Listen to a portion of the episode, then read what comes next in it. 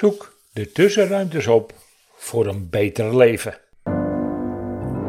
Om duidelijk te maken waar ik het in deze podcast over heb, iets over mijn oude werk als typograaf. In de eerste jaren van mijn werk als typograaf maakte ik advertenties voor bladen. Dit gebeurde met losse lode lettertjes van diverse formaten. Ons alfabet zat in diverse vakjes in de letterkast. Ons alfabet wordt op de scholen al vroeg onderwezen, beginnend met de losse letters. Een A of een B en zo naar de Z. En later werden het korte woordjes. En veel later konden we daar hele zinnen mee maken. Zo kunnen we makkelijk duidelijk maken wat we willen overdragen. Zo kunnen we boeken lezen, boeken schrijven en verhalen vertellen die anderen ook daadwerkelijk snappen. Woorden zijn bepaalde letters van het alfabet in een bepaalde volgorde. Maar om al die woorden goed te lezen, hebben ze iets speciaals nodig. Namelijk spaties. Zonder tussenruimtes is het onmogelijk te snappen wat er in een boek beschreven staat. Die spaties geeft ons de mogelijkheid om van het ene naar het andere woord te gaan. Eigenlijk is die lege tussenruimte ook een prachtige verbinder. Ons hele leven bestaat uit tussenruimtes. We kunnen eigenlijk helemaal niet zonder. Eigenlijk bepalen ze ons totale leven. We kunnen zelfs ziek worden als we niet gebruik maken van die tussenruimtes. De in-betweens, zoals ik ze noem. Hoe gehaast je bent, hoe minder je gebruik maakt van die in-betweens. In-betweens zijn de ruimtes tussen de ene en de andere klus, wat de klus op de dag ook is. In-betweens zijn nodig om even los te komen van het vorige voordat je de volgende gaat doen. Maar zorgt ook voor de broodnodige energieverbetering in je lichaam door je ademhaling in die pauze. Eigenlijk kunnen we in het westelijk deel van de aarde niet echt goed omgaan met die loze tussenruimtes, volgens mijn Oosterse leermeesters. We kunnen ons brein zelfs niet een halve minuut stil krijgen. Een burn-out, stress, chronisch moe, geen uitweg zien we, zijn voorbeelden van ontbrekende in-betweens. De broodnodige tussenruimte tussen de dagelijkse taken ontbreekt. En als er al een pauze is, wordt hij snel ingevuld met doemdenken. Dat kan een tijdje doorgaan zonder lichamelijke klachten, maar opeens is het vat vol, de energie op, de inzicht op verlossing weg de flexibiliteit van lichaam en geest weg en zul je een andere weg moeten bewandelen. Een weg die nooit in zicht was geweest. Je hebt de ruimtes totaal verloren en weet zelfs niet eens dat je ze mist. En dat terwijl je de ruimte niet alleen nodig hebt voor je energiehuidhouding, maar ook voor de juiste verandering in je leven.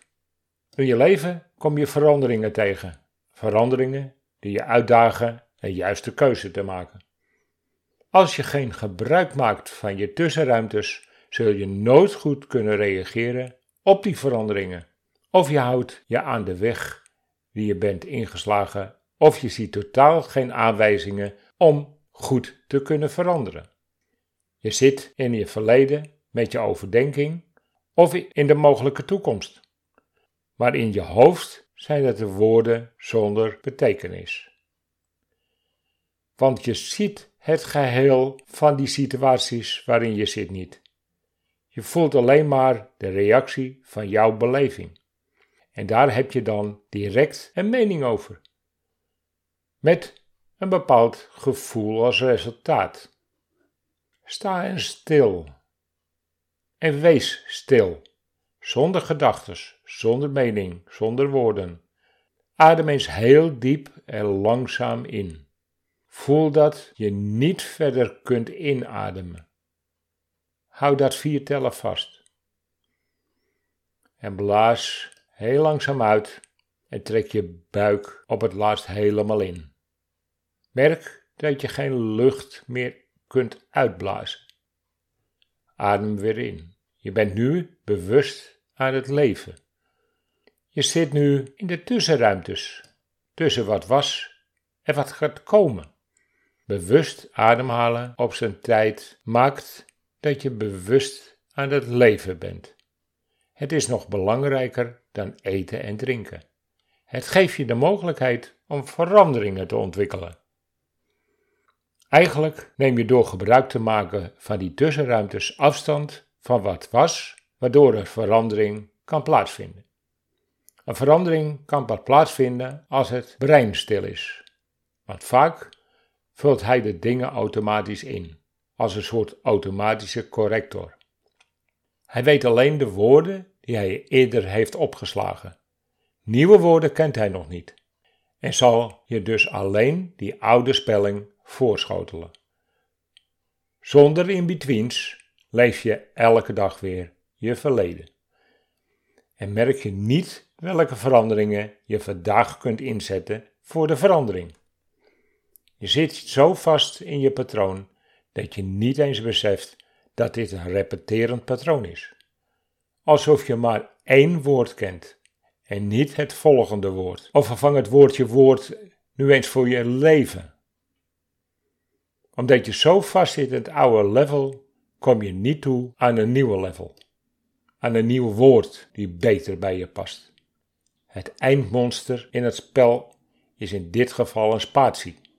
De tussenruimte, de stilte, de meest belangrijke plek om van het een naar het andere te gaan. De tussenruimte is overal op aarde belangrijk, dus ook voor jouw lichaam. Tussen mensen zit een bepaalde tussenruimte, een klik of juist niet. Bij magneten zit ook een soort tussenruimte om die polen te kunnen creëren. En bij jouw lichamelijke cellen draait het ook om die tussenruimte tussen en in je cellen. En hoe meer je vast zit in je oude patroon, hoe vaster die cellen zich gaan voelen. Hoe je met die tussenruimtes omgaat dus. De kracht die de mens heeft gekregen ten opzichte van de dieren is dat ze scheppers zijn.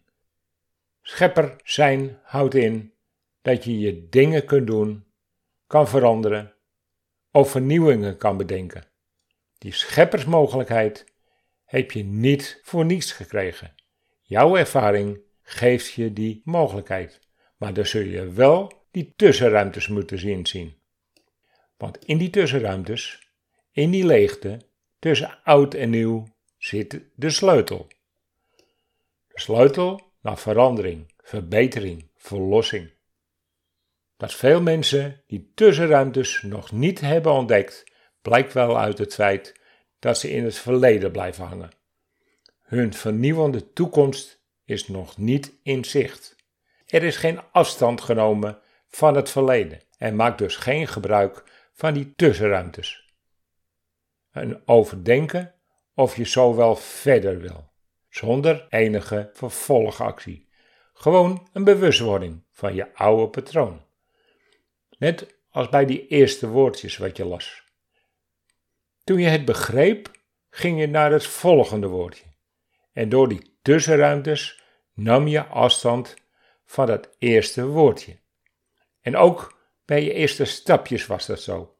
De ene voet volgt de andere op. Maar pas toen je met het eerste stap veilig voelde en daarna kon je die andere pas neerzetten.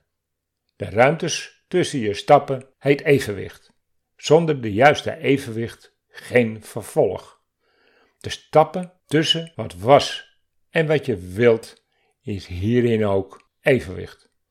Al beter gezegd, balans. Die balans geeft je de kracht om door te zetten, ondanks dat je niet weet wat de toekomst je te bieden heeft.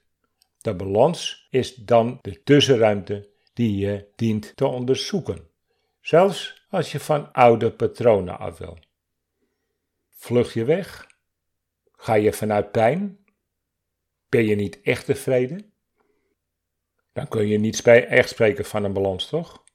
Als je het oude accepteert als een gebeurtenis op zichzelf en zie je liever een betere voortzetting, ligt het anders. Jouw interne energievoorraad kun je dan inzetten om in die tussenruimtes te gaan voelen hoe dat nieuwe leven gaat voelen. Je zet dan die in-betweens in om je toekomst eigen te maken. Zonder twijfel of verwachtingpatroon ben je dan de schepper van jouw nieuwe toekomstgevoel. Zelfs Einstein maakte gebruik van de tussenruimtes om het succes te bemachtigen. Waarom? Omdat het onzichtbare pas zichtbaar kan worden als je er zelf geen mening of overtuiging over hebt. Weet wat je voor ogen hebt.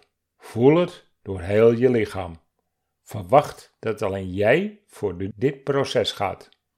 Weet dat er diverse mogelijkheden zijn om dat onzichtbare zichtbaar te maken. Op ieder moment, in iedere gelegenheid, op een moment jij het niet zou verwachten, kan de oplossing zichtbaar voor je zijn. Bij Einstein kwam die belangrijke formule in een droom naar voren, die hij direct opschreef. Maar wees dus alert als je om verandering vraagt. Mis de aanwijzingen niet en verwacht zeker niet dat anderen of een grotere geldprijs jouw leven wel zal veranderen. Jijzelf zal die verandering zelf moeten inzetten door je in balans te voelen binnen de in-betweens van het leven. Ja, dat was het weer voor vandaag.